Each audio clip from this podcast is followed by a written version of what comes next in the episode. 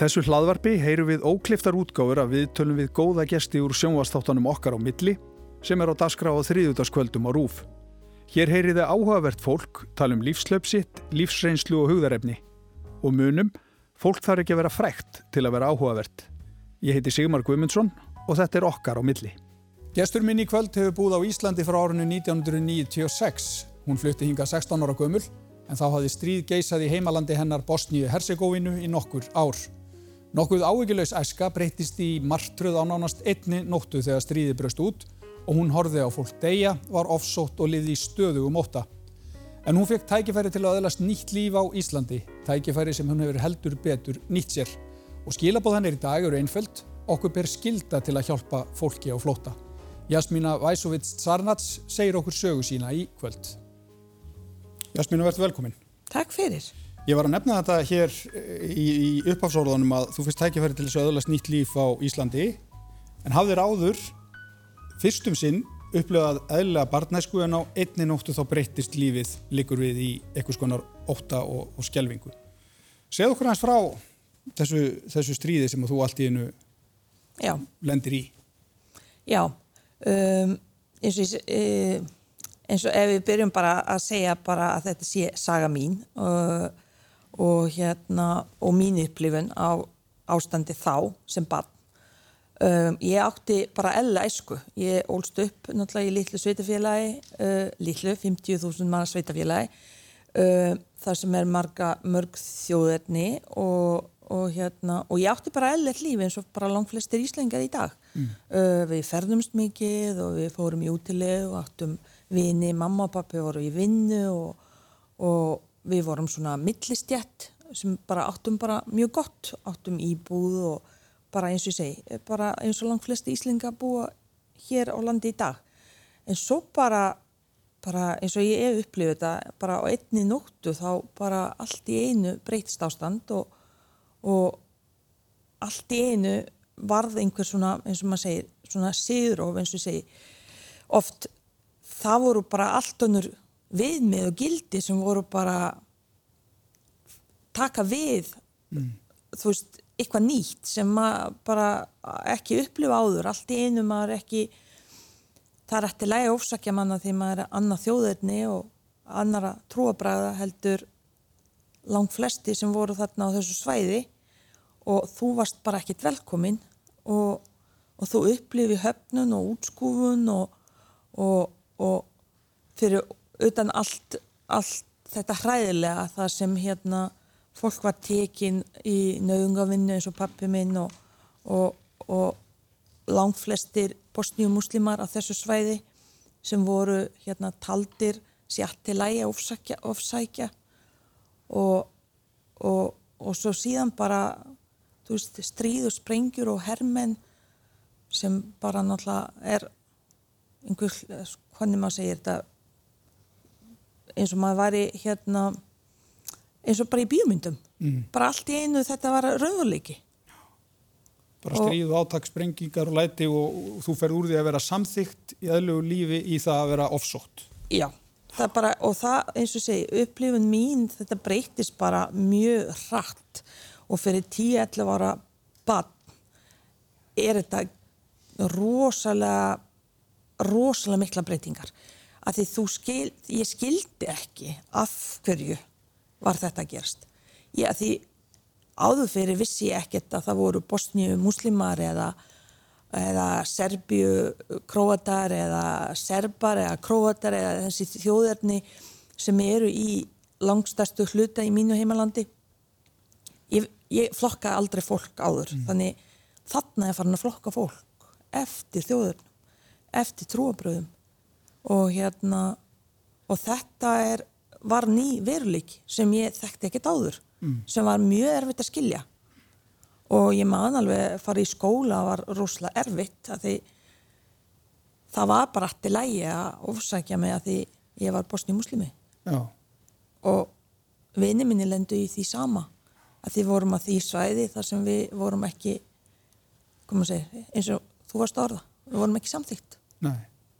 En þessi stríðsátök, þau voru mjög nálægtir. Þið voruð þetta fylgjast bara með miklum herflutningum og það, þið sáuð bara stríð eins og stríð eru. Já, uh, borgin sem er cirka svona 20-30 kilometra frá mínum heimabæ, við heyrðum alveg drunur bara það hristi stjörðin rosa lengi vel að þeir, það voru alvöru strís átök þar, mm. þar sem var að reyna að hérna, ná svæðinu uh, frá hérna og þá náttúrulega komu náttúrulega sprengjur og þetta, þetta er ekkert svo rosa langt í burtu þegar er þú veist, þegar við erum að tala um alvöru sprengjur mm -hmm.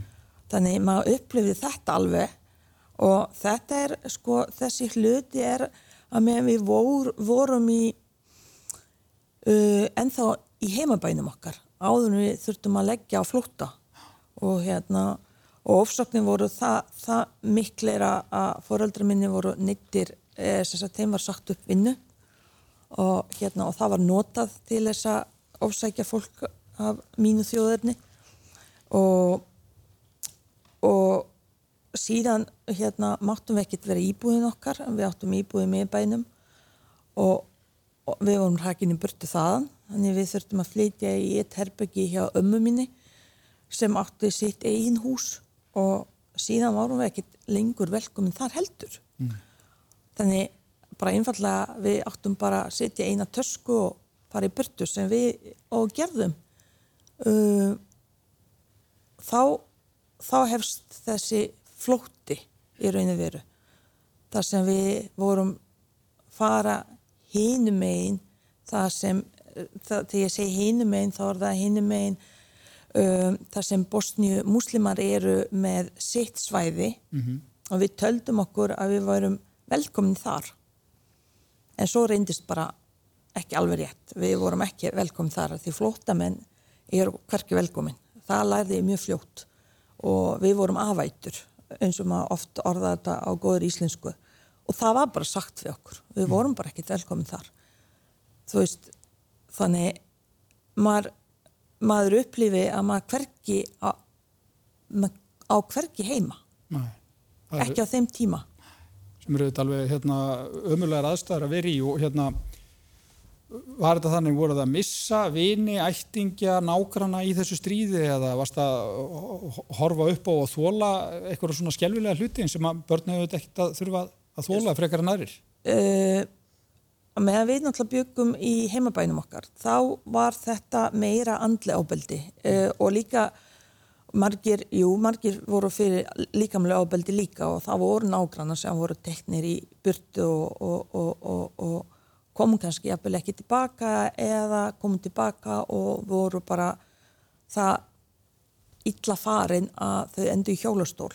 Uh, það er alveg dæmi um slíkt og hérna og maður hefur alveg, ég hef alveg verið vittni af að, að vera bara heima hjá okkur og, og, maður heyrði bara úti hermenna elda einhvern og garga öskra eða maður hefur alveg upplifað það en hérna mín fjörskilda var svo heppin að við höfum ekki lendi í neinum svona hormungum annað en upplifa stríð mm. við höfum ekki lendi í annað en að vera í naugundabúðum eða svona þrælabúðum og segi pappi þurfti vinna allan daginn og hann fekk ekki náttúrulega borga fyrir það.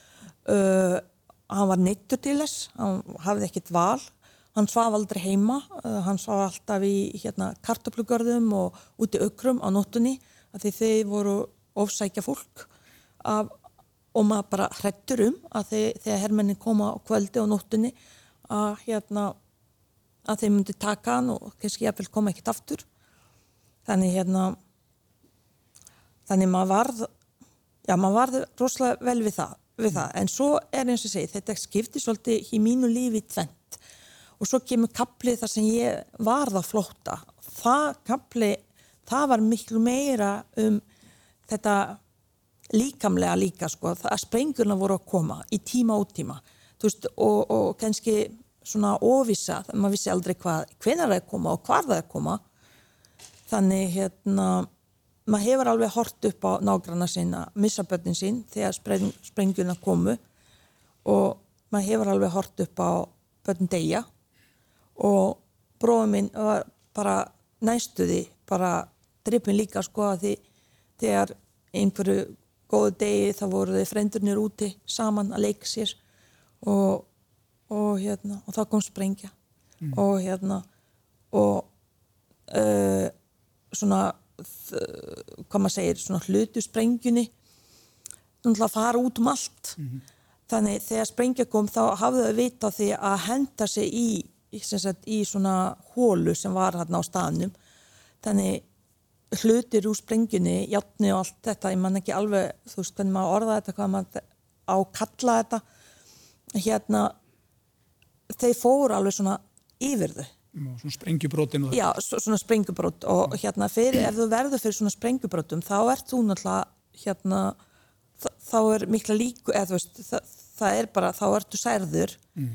og jáfnvel þú getur dáið þannig það, þarna mun, munna litlu, þetta var dagli líf hjá, hjá okkur. Lappa í skóla veist, hvað gerist á leðinni þú veist, kemur að því stundum komur sprengjunar óvænt. Og öftast næði vissum við af því því það var hérna viðvöruna svona hljóð í bænum þessum gefið og, og fyldist maður með fréttanum þú veist, kannski að hérna uh, þegar var ramagn mm -hmm. sem var mjög sjaldan og mjög lítið. En hérna en pappi var með svona útvarp sem gekk á batteri. Þannig maður gætt svona, hvað maður segir fylst með og þá voru oft hérna gefið tilkingar þannig hérna þá held maður sér í svona undir, hvað maður segir í svona virki þar sem er svona stift þar sem sprengjuna ná ekki mm -hmm sem var myrkur og bara kallt og þetta var veruleiki eða bara svona í svolítið langan tíma að eigða svolítið tímum þar. Já, og þetta er hérna... eitthvað sem er ekkert þetta vennjast þetta er bara stöðu og alla daga, alla nætur. Jú, og alla daga, alla, bókstaflega við vorum óttast um líf okkar alla daga og alla nætur og hverja, mm. hverja mínut og hverja klukkstund mm. að því í þessu ástandi er allt óútreiknaðart þú veist aldrei í hverju alla að lenda. Mm þú veist aldrei hvort sprengja kemur, þú veist aldrei hvort hermennin koma. Og við höfum alveg lendið því, pappi er alveg, þú veist, hermenni er alveg komin heim og hafa tekið hann í burtu og við vissum ekki hvað hann var í nokkra daga og þá var hann í einhverju fjalli aðstóða uh, hermenn, þú veist, þetta var náttúrulega neyðar ástand og það var náttúrulega gert bara allt saman til þess að hjálpa og það þarna voru karlmenn alltaf vest útsettir mm -hmm. og pappi minn sem var 40 hvað, 40 eitthvað ára veist, þetta var náttúrulega fólk að bestu aldrei til þess að sé hægt að nýta í alls konar herna aðgerðir og, og hjálpa líka hermönunum og, og, og þú veist og eins og, eins og ég sagði á þann og svo hluti af hérna sögun er líka að hérna að nýta hann í þrælabúðir að því það hendaði hérna þeirri stefnu sem snýri, stríði snýrist um að hérna öll, eða, þessi þrjú þjóðurni voru náttúrulega bara í stríði og ef þú tilherði ekki þeim hópi af því svæði þá er aftilægi að ofsakja þig. Og ég er ekki að segja bara það að þetta var kannski aftilægi að gera þetta um, Bosniumegin var jafn slæmt og serb, serbjumegin að því þjóðir sko það var, og segi, það var bara aftilegja ofsakja ef þú ert ekki þeirra trúa eða þeirra þjóðurna sem, sem er samþýgt á því svæði. Já, já. þannig ef ég væri hérna jafnvel Serbia, Kroati hérna, Bosniumegin, þá var aftilegja ofsakja það líka sko. Já, Þetta en, verður auðvitað allt bara svo óskilnilegt og órökriðt og þú auðvitað sem krakki skilur náttúrulega ekki neitt í því hvað er í gangi. Nei, og lengi vel ég var bara fyrst uppgöða bara þegar stríði byrja að ég væri bara einhvern öðruvísi heldur allir aðrir. Ég vissi það ekki þánga til Nei. og átti mjög erfitt að skilja það Já. og fyrir 10-11 ára bann, það er mjög erfitt að skilja þetta. Já. Og þið eru þá þarna svona, þið eru bara flótta í eigin landi? Já, við reyndum að komast út uh, vorum í hérna mamma og pappi reyndu að hérna uh, seldu einhverja eignir sem þau áttu sem sagt, ekki í búðina, hún var tekin á okkur ekki bílinn, hann var tekin líka á okkur heldur bara svona húsgögn sem við áttum og sapna pening til að borga Rauðakrossin til að koma okkur út úr út af þessum aðstæðum og hérna að því Rauðakrossin var að hjálpa fólki að komast hérna út úr þessu ástandi og Rauðkrossi þurfti náttúrulega að borga líka ákveðnum mönnum til að hleypa okkur áfram mm -hmm. því það voru sett svona hérna punkt, eða svona eins og maður segi hérna hindranir á veginum. Og hérna þannig hérna þannig það þurfti borga þeim mönnum til að hleypa áfram. En við reyndum sér að komast til Ungurjarlands það að því er svo stutt frá okkur. En það gekk ekkit betur en rútin okkar var snúið við það flóttamenn voru ekki velkomin. Veist, er, þetta er þessi veruleiki. Flóttamenn eru aldrei velkomin.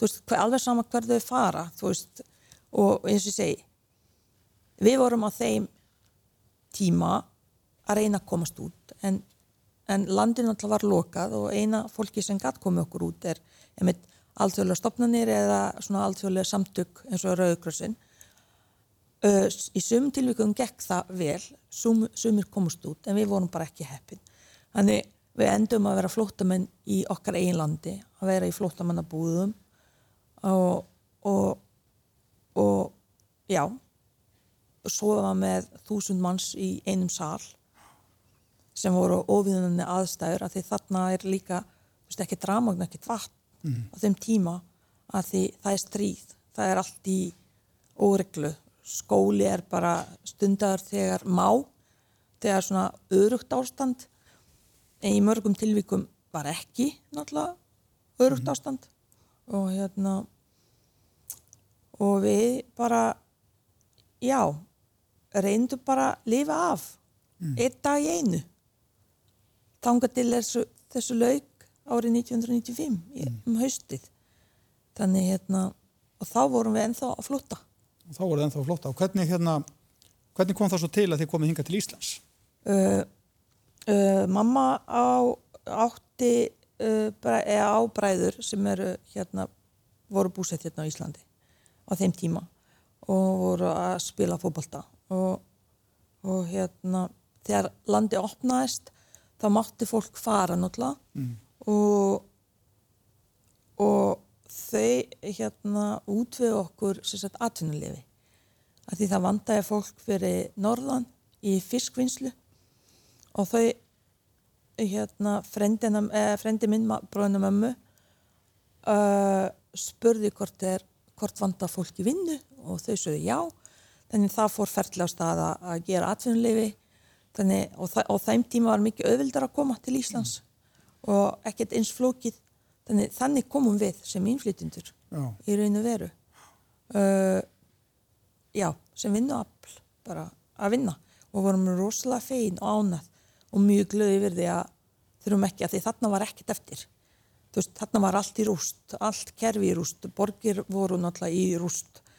Uh, það þurfti koma öll á stað. Og ennþá daginn í dag fólk er rosa mikið atvinnleysi og hérna fólk er ekkert í vinnu þannig það tekur eftir svona strísástand það tekur fjölda morg ára að byggja aftur upp elli samfélag. Já, já. að allt virki eins og á að vera því peningum fyrir aftur í uppbyggingu. Það sem var til staðar áður það fyrir aftur að byggja upp. Þannig uh, þannig það tekur mörg ár vinda ofan á þessu. Já, já, það gerir það. En hvernig var að koma síðan hinga til Íslands að, að því að sko þú til þeim bara svo tölum út frá þér þú kemur auðvitað hlýtur að vera sko mjög brotin úr þessu ástandi hingað og þarf að takast á í nýjan veruleika hér í einhverju framandi landi þar sem allir tala eitthvað allt annað tungumál sem við höfum allir ekki allir heyrt áður og þetta er alveg rosalega mikil umbreyting Já. aftur á mjög skömmum tíma Já, eins og ég segi uh, þetta, var, þetta voru svona mjög, ef maður hugsa tilbaka ég hef ekkert pælt mikið í þessu uh, og gerði mig í mörg ár ekki grein fyrir þessu hversu mikið hversu arfulegt þetta er. Þetta var bara svona veruleiki og maður mm. tekur hann bara einhvern veginn bara svona eins og sjálfsagum hlut. Og svo uppgötar maður signa mér þegar maður fullarnist og þróskast þetta var náttúrulega ekki neitt ellett og maður þurfti vinna og ymsum hlutum. Og, og þeim tíma náttúrulega ég var 15 ára þegar ég kem til Íslands og hérna og kem náttúrulega úr strísumhverfi og var mjög lengi bara með svona plan B. Þú veist, hvað ef skildi gerast eitthvað hér, hvað getum við gert? Þú veist, að því þú bjóst náttúrulega við annan veruleika í svo mörg ára að þetta var orðið ellilegt mm -hmm. þannig hér allt í einu þegar maður kemur hingað og maður fekk íbúð og maður getur sofið í, í heitu herbyrgi með heita styrtu, heitt vatn, þú veist, bara vatni við höfuð, ramagn og okkur fannst þetta bara að við búum bara á Beverly Hills sko í smá tíma, þú veist, veruleiki er allt annar og hérna en en þetta tók á. Ég veikinu það alveg. Þó ég fattaði það ekki þá þá fattaði þetta miklu setna á setna árum.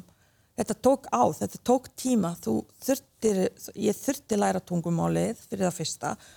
Uh, ég var ung ég var mjög fljótlega ofrisk því ég kom hérna til landsins og, og hérna og ég dró kærasta mín uh, fyrirvendi manni mín með mér þá hérna og, og það það tók líka svolítið á að ég var orðið 16 ára og, ofriska mínu fyrsta barni og, upplifa svona öryggi sem ég vissi ekkert af því þá. Uh, að því ég var alltaf með plan B hvað ef það gerist þetta og þetta það tók svona tvö ár orðugla að venja sig á að fara að maður er með vinnu maður er örugur maður þarf ekki að hafa peninga áhyggjur, maður þarf ekki að hafa áhyggjur af lífi, skiluru að lífa af, að lifa af, þú veist, að því þetta var og sko, já, eðlilegt. Mm -hmm.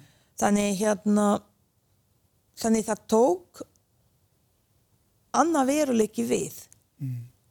Og allt í einu eftir tvö ár fann ég svona vellíðan að maður var orðið bara örugur maður fyrir vinnu, maður kaupir í matin maður þurfti ekki að hafa áhyggjur af neinu. Algjörlega af neinu. Að því ef þú ferði í vinnu og kemur heim, þú ferði útborgað. Þú getur keft, þú veist, þú getur keft matin, þú getur borgað leguna. Það sem var ekki. Nei. ég upplöfið það ekkert og ég glemdi því þú veist, í smá tíma ég átti ellilega æsku að áður en stríði kom í rauninu veru. Já. Þá fór þetta að rifjast upp. Býtu, já, ég þekki þetta. Þetta er orðið ellet að því fjör ár var þetta bara lifa af bara daginn já. í rauninu veru.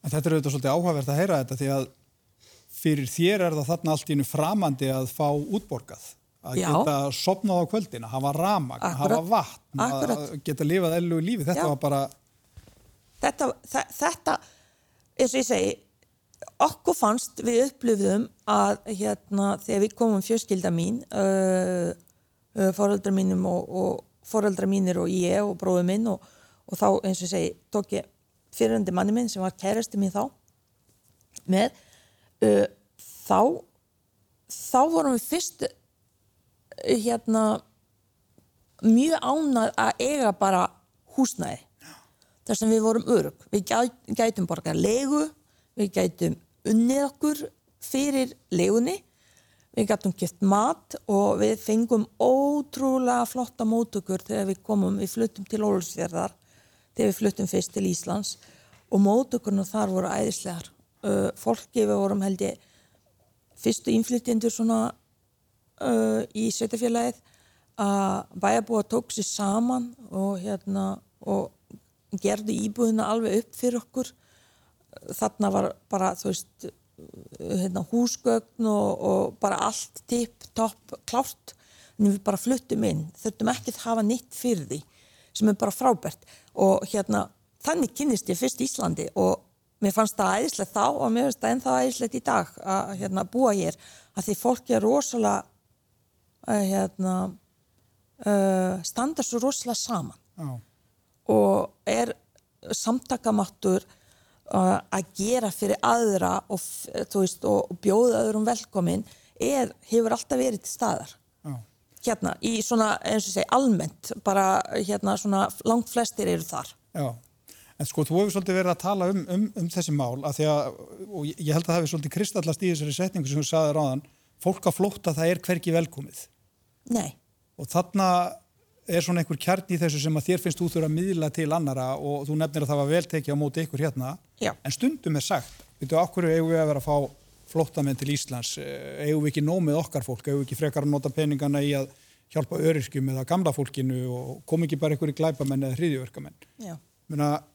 Þetta er, Þetta er hvað mjög- segir við þessari umræðu? Hún, Sko- hún, hún, hún, hún yfirgnæfur ekkit allt hérna á Íslandi, hún er þarna samt. Já, uh, sko, mér finnst alltaf hérna, mér finnst algjör óþarfi að stilla þessu upp að hérna flóttamenn versus uh, örkjar ellilifistíðar. Sko, við, við þurfum bara ekki hafa áhyggjur af því að því hérna það er, Ísland er ríkt land og, og það eru auðlindir að fá fólk erlendum uppruna til landsins.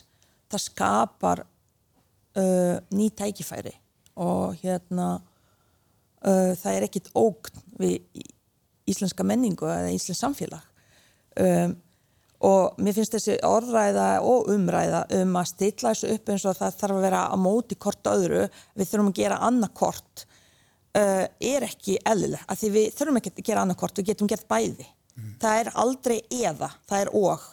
Þó, og það er mjög skýrt. Við getum gert vel við öryrkja og elliðivistega og við getum gert vel við flóta fólk sem er að koma hér- hérna og leita skjóls. Við þurfum ekki að velja á milli af því við erum ríkt land og við, þetta eru tækifæri að fá fólk til landsins eins og við oft sjáum það eru hérna, fólk kemur hérna fullmentað uh, við þurfum ekki að leggja auka peningi að menta fólk. Við getum nýtt þessa þekkingu hér, þarna eru tækifæri. Það er ekki verið hérna uh, með nýju fólki kemur ný menning sem opna til dæmis marga veitingastæði hérna í, á höfuborgarsvæði og víðar uh, koma frá annari menningu og það er akkurat kannski jafnvel innflytjendur sem eru eða flóta fólk sem eru að opna veitingastæði, þarna eru tækifæri. Uh, við getum líka hérna margir koma með nýja yðmendun sem við getum nýtt og jafnvel sem er ekki sem er skortur á Íslandi. Þannig veist þarna eru mörg tækifæri. Það eru auðvitað áskorarnir líka. Þú veist það þarf náttúrulega að taka móti fólki og þarf að eiga pening fyrir því. Og hérna en við erum eins og segi, við erum ríkt land við þurfum ekki að velja milli, við getum gett bæði. Já. og þessi, það er ósangjart að bera saman epli og appelsinu finnst mér. Finnst ósangjart líka að bera flóta fólk að það sé eitthvað uh, mm, hvað maður segir hérna að, þú veist versus örykjar og elliði lífeyristegar að hérna þetta er ekki sambarlega málaflokkur heldur flóta fólk, það er engin öryrkjar eða elliðistegar í Íslandi sem upplifa flóta að þú sett ofsóttur. Og talan er ekkert um ef þú flýð, ef þú ert að fl- flýja strísástand það er ekki sambarlegt sko, ég get alveg, þú veist, fullir það að, ég upplifa bæði að það er ekki sambarlegt að, að ég hef aldrei æfinni upplifa eins slæmt ástand og vera í strísástandi það er bara svo erfitt, það vandar oft orð, lýsingaorð til að lýsa hræðsluna um þegar sprengjurnar er að ko- koma og þú ert heima hjá þér og það kemur kannski óvænt og, og, og, og þú ferð út og þú sér kannski nágræðin lappa með barnið sitt dáið. Og þú veist að því það kom óvænt sprengja. Það er engin örkja elli viðstegi á Íslandi sem hefur upplifað slíkt og ég held engi íbúi hérna á landinu sem hafa þurft upplifað slíkt að missa nákominn svona fjörskildu meðlim. Þú ert ekki að jafna þig á því. Og þetta er líka erfitt fyrir þjóðin að jafna sig á þessu af því við þurfum að búa saman í sama landi en kannski nágranniðinn varð fyrir því eða, eða sýstegin eða bróðin eða þú sjálfur hefur mist bann ömmu, afa, móðir, faðir og samt þartu að búa við hliðina því fólki þar sem eftir er æfina. Þið þurfi samt að búa í sátt og samlindi. Þannig það er erfitt að fyrirgefa svona hluti. Þannig það er ekki sambarlegt og þegar þú upplifir þetta á þín eigin skinni og svo ert að fara að flýja uh, og kemur eins og í þessu tilviki til Íslands þá getur þú ekki borið sama við hérna, það er ekki sama. Og ég segi ekki það sé erfiðar eitthvað en það er bara annað veruleiki. Öryrkja upplifa svo bara allt annað veruleika. Þannig þetta eru svolítið eppli og appelsinu sem við erum að bera saman. Og þurfum ekki að bera saman heldur. Nei. að við getum gert bæði. Já. það þarf þessi orðræði um að stilla þessu alltaf upp upp á móti kortaður, annarkort eða er ekki í lægi og hún er ekki sangjut heldur. En þú hefur líka talað um sko bara siðferðislega skildu Íslendinga Já. og þá bara annara þjóða líka að Já. hjálpa fólki á flóta. Þetta Já. sé bara þetta sé bara einhvern veginn að vera innbyggð manngeska í samfélög að þú hjálpar fólki sem á erfitt, ekki síst börnum sem eiga erfitt. Já, og klárlega börnum sko, að því eins og segi, ég var barnaflóta þannig ég skild þennan veruleika mjög vel og hérna og, og fyrir foreldra mína var erfitt náttúrulega allir foreldra vilja börnunum sínum vel. Ég sem foreldri í dag myndi ekki vilja að börnum mín upplifa þetta ég myndi gera allt fyrir þau að þurfa ekki að upplifa þann veruleika. Og þú ert að reyna að bjarga börnunum þínum þannig þeir sem koma til landsins með hvort sem er börn eða ekki þau eru að flýja eitthvað það er engin manneski að getur engin sagt með það að þú getur bara rífi fjörskilduna upp úr rótum þar sem þú þekkir allt og alla og, og, og þú þekkir samfélagið þitt og þitt fólk, þú rífur fjörskilduna upp úr þessu uh, þessum rótum og ferð með það í nýtt samfélag þar sem þú þekkir ynga þekkir ekki tungumálið, talar ekki tungumálið, þekkir ekki samfélagið, þú hefur ekki frenda, frengu, móðir, fadir eða einhver í, í samfélaginu af því bara. Þarna er eitthvað öll sem er að gefa þér þetta hérna að þú verði að fara til að lífa af, til að bjarga fjölskyldunni og börnunum þínum. Þannig öll ríkin og eins og ég uh, bara sagt við þið líka hérna þetta er ekki bara hérna vandamál eða áskorani Íslands eða einhvers annars við öll sem heimur þurfum að taka múti flottamannum af því það er líka hluti af okkar um, hvað maður segir um, hluti okkar skildu og siðferði eins og varst að nefna uh, að gera það. Að því við tökum líka þátt í að búa til þetta ástand. Þú veist, ef við ætlum að fara í stríð út í miðausturlöndum eða, eða balkanskaði eða eitthvað og við erum að styðja það stríð, þá hlýtum við þurfa þá að taka móti fólki og taka ábyrð, því það fólk fyrir að flýja. Það situr enginn á sama stað og býður eftir einhver kemur og dreipa því. Þú ert að reyna að bjarga þér í eðli okkar sem manneskjur er að bjarga okkur. Það er bara eðli okkar. Og, og það er mjög mikilvægt að, að þá að það sé ekki skilda bara Gríklands og Ítalar til dæmis eins og staðnir í dag að þau taka á móti flóttamannum. Við hinn ríkið þurfum að gera það líka. Öll, við öll. En Þú svona nefndir þetta líka á hann, þér fannst mjög vel tekið á móti ykkur þegar þið komið. Það var svona út frá því auðvelt að koma hingað og ala samfélaginu eða hvað.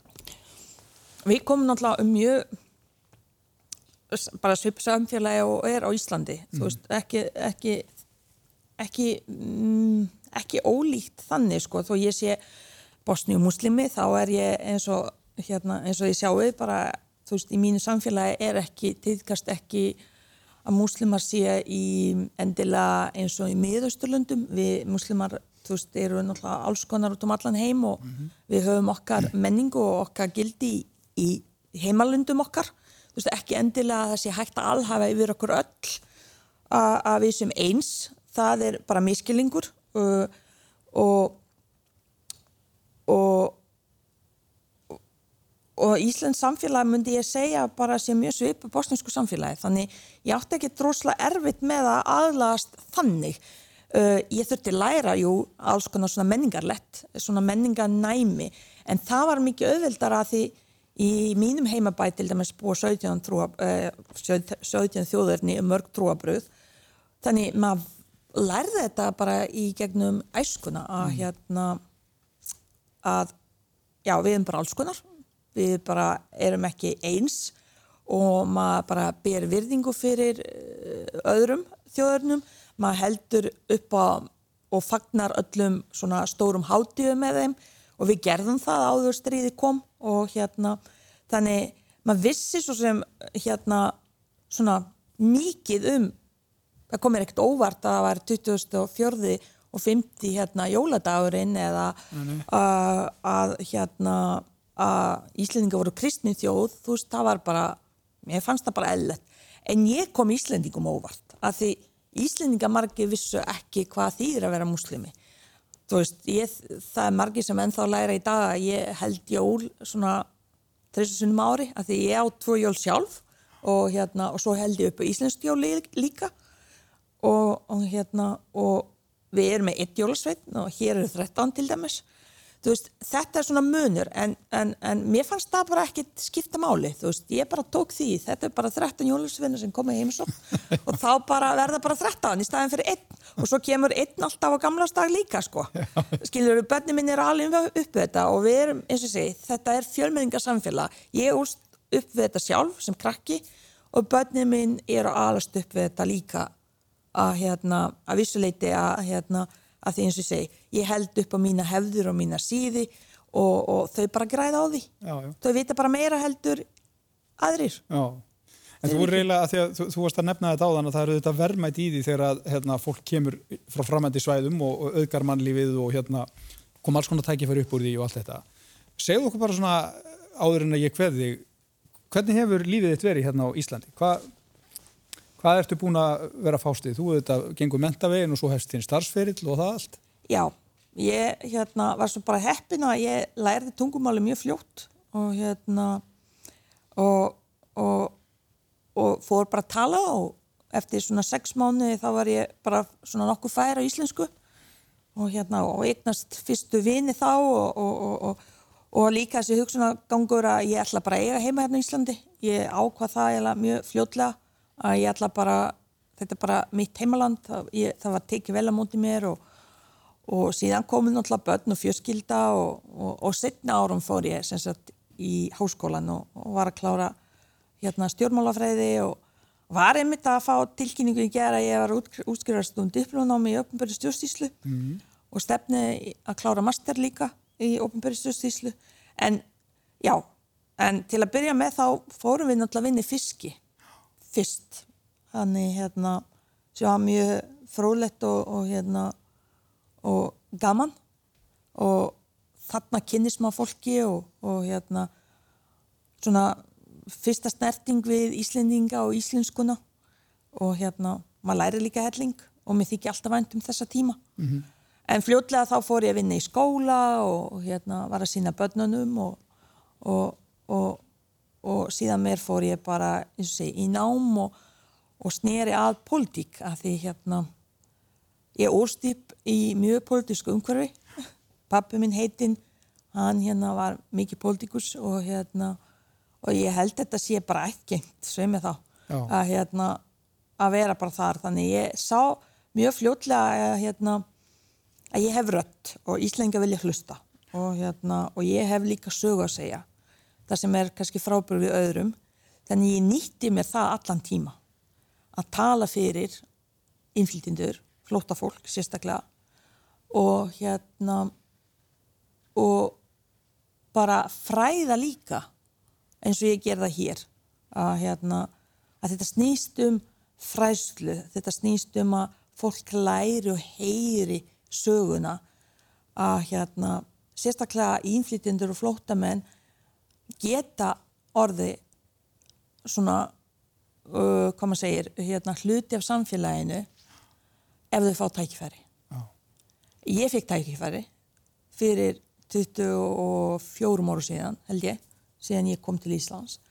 Uh, ég nýtti mig þú rosalega vel og langt flestir, við meðum ekki gleyma það er langt flestir sem eru þar. Langt flestir íflytjendur langt flestir flótamenn eru þar þau eru byggjum tækifæri. Ef þú fær tækifæri þá nýtur þau tækifæri til að gera eitthvað gott og þú skilar alltaf til samfélagsins og það er það sem ég ger í dag. Ég beiti mig fyrir alls konar að því ég, það var tekið vel á mótið mér, ég fekk tækifæri, ég fekk að menda mig, eignast fjöskildu, kaupa mig hús og eignast börn og, og þau fá tækifæri hér líka. Núna er fyrir mig, þú veist, svona, hvað maður segir, þakklæti tilbaka að hérna að gera eitthvað fyrir Íslands samfélag. Og í starfi sem ég vinn daglega þá heyri ég það. Ég vinn rosa mikið með inflytjendum og flottamönnum og hérna maður heyri það, eina sem þau vilja eru tækifæri mm. og þau munum skila til samfélag sem setna mér. Og þetta er það sem skiptir máli. Og eitt annað sem skiptir líka gríða miklu máli er það að við flokkum ekki fólk að við reynum að komast hjá því að vera ekki með fordóma og setja fólk í einhverja svona viðhorf við hér og þið þarna. Við þurfum að, að við öll að vera hluti af þessari heild mm -hmm. og það er það sem innflytjandi vilja, vera hluti af þessari heild og við getum ekki verið hluti af heildinni ef við ætlum alltaf að segja við hér og þið þarna. Já. Þannig þann, þarna sköpum við mjög gott samfélag. Svona samfélag þar sem allir hafa jöfntækifæri til að eignast gott líf. Já, það, hérna, þetta er auðvitað mjög hérna, vel sagt hjá þér og þú nefndir þetta á hann að þú demdir þér í pólitíkina, Já. fóst í, í frambóð fyrir bjarta framtíð og hérna hefur verið að starfina viðreistnar og, og, og, og vara bæja fulltrúi en ég, mér langar eiginlega að stríða þið pílnit og ber undir því setningu sem ég las fyrir svona í bladi gift fjögurabatna móður í frambóði skráði sig fyrir mistök á Tinder. Já. sem er stefnumótafórið Já, þetta er skemmtileg saga. Gaman að rifja þetta upp. Æ, ég er svo mikið hérna, ég er svo hreinskilinn og hérna og ég held að flest, langflesti kunna meita það uh, og er mjög opinn en hérna ég er rosalega stundum svona, hvað maður segir, kvartvís og hérna og skemmtilega sögur þannig hérna og við hjónin erum svolítið saman í þessu sko. Svo ég nefni hérna nefni þetta svona í svona opinni hérna fyrir alheiminn hérna og margir elskar ferðast með okkur á sumreina því við erum akkurat þar, við erum svolítið kvartvís og þá gera skemmtilega sögur og Tinder er eitt af þeim skemmtilegum sögum já líka. Að því hérna að því ég var bara heima og, og, og hérna og var sagt, um, á, hérna, um, var í einhverju fyrirlestri að degi til um hérna hvernig hérna frambjöðendur getur komið svo framfæri í svona samfélagsmiðlum. Og eitt af því var að tala um Twitter. Og, og hérna og ég hérna já, ég heyrði þetta og það er svo mikið að gera hjá mér alla daga. Þannig hérna ég geimi þetta einhverstað hérna bakvið og fer svo heim og ég þurfti fara taka einhver próf daginn eftir þannig ég þurfti fara svo til yfir og læra um kvöldið og hérna og svo náttúrulega stórt heimili við erum hérna uh, á þeim tíma voru áttamanns á heimilinu og og ég fer að skráði mig en ég myndi ekki hvað, hvað hétt samfélagsmiðl sem ég átti skráði mig í. Ég myndi að það hétt eitthvað með tér þannig ég fer að googla og fæ upp Tinder og ég skrifa bara allt saman þannig inn í og hérna gef upp upplýsingar, ég var gift fjara bara móðir og hérna á Tinder allt saman og, og ekkert mál. Og, og svo bara loka þess að því ég hafði ekki tíma að gera meira. Og setja upp mynd af mér og börnunum og eitthvað svona, svona típi svona ég. Og, og svo bara fyrir ég að læra. Nema það að ég fæ að heyra hérna bomba svona alltaf, þú veist, eins og í símanum og á í tölfunni hérna, það fara að byrja skilabóðin sæta mín og, og, og bjóða mér eitthvað deitt og ég skildi þetta ekki en ég alla var harða ákveðin ég að læra og, og var ekkert að opna þetta. En þetta helt áfram. Svo miðjan nótti ég var búin að læra eitthvað um svona típist eh, hérna þegar fólki er að fullurins árum í námi kl. þrjú á nóttinni fer upp í rúm og fer eitthvað að hugsa þetta og vek manni mín og segi ég held ég sé að koma mér í einhver stefnum og það sé nú fatt ég að hverju öll skilabóðin að berast og ég fer að hlæja og hann segi þú ert náttúrulega ekki til lægi hann náttúrulega öllu vanur. Nema það að því ég er klára að prófa um morgunin og, og fyrir að spurja dóttu mína sem var þá 19 ára, eða 20 þú fyrir að spurja hana ég er bara, hvað er hérna hvað er Tinder? Og þá heyrist mamma, hvað ertu búin að gera þá skráði ég mig náttúrulega Tinder og stefnum út af síðu og ég var að, sagt í frambóði fyrir bjarta framtíð þannig að leita Gift á Tinder. Já, gift á Tinder, nákvæmlega Björn Framtíð var vissulega frjálslindur flokkur. Jú, jú, en kannski of mikið en hérna, það var hringt í kostningastjóra og það heyrist bara svona þögn í síma þá láðu bæði hérna skrifstofólkið á gólfinu að hlátri, þú veist, hvernig datt mér þetta í hug, en þetta er svona típus svona eins og hvað þú sé mér? Ég fórt svo til New York í fimm daga og skildu eftir að rætta þessu sko. Hvernig stóð, en það fór einmitt á fréttina og þegar er googlað þá kemur einmitt þessi skemmtilega saga upp. Já, að þú fórst á Tinder en ekki Twitter. Já, það, það er nefnilega málið. Þegar, þegar maður er með kvartvísi og gerir rosa mikið við daginn eins og ég allan dag og mikið að gera alltaf hreint, þá lendir maður í svolítið svona vandræðum, finnst mér. En svo má bara hlæja því eftir á. Já, mér finnst þetta svolítið skemmtilega saga og kannski ekki allir kannski sammála því en mér finnst hún svolítið skemmtilega þetta þegar lýsir svolítið líka að maður er ekkit fullkominn þú veist, maður ger alveg mistök og það er bara allt í lægi, það þarf bara að segja það og hérna og, og byggjast afsökunar ef þess þarf og, og svo heldur maður bara með lífið Já, bara áfram með lífið. Já, Það var gaman að fá þig hingað. Bara Já. takk innilega fyrir að hérna, gefa þig tíma til þess að koma og segja okkur sögðina. já, takk fyrir að hafa mig og það var líka gaman að vera hérna þáttákandi í þessu Þetta var hlaðvarpið okkar á milli, óklift útgafa af sjónvastáttunum sem er í loftinu á Rúf á þriðutaskvöldum og eftir kastljósu og menningu. Ég heiti Sigmar Guimundsson, takk fyrir að hlusta.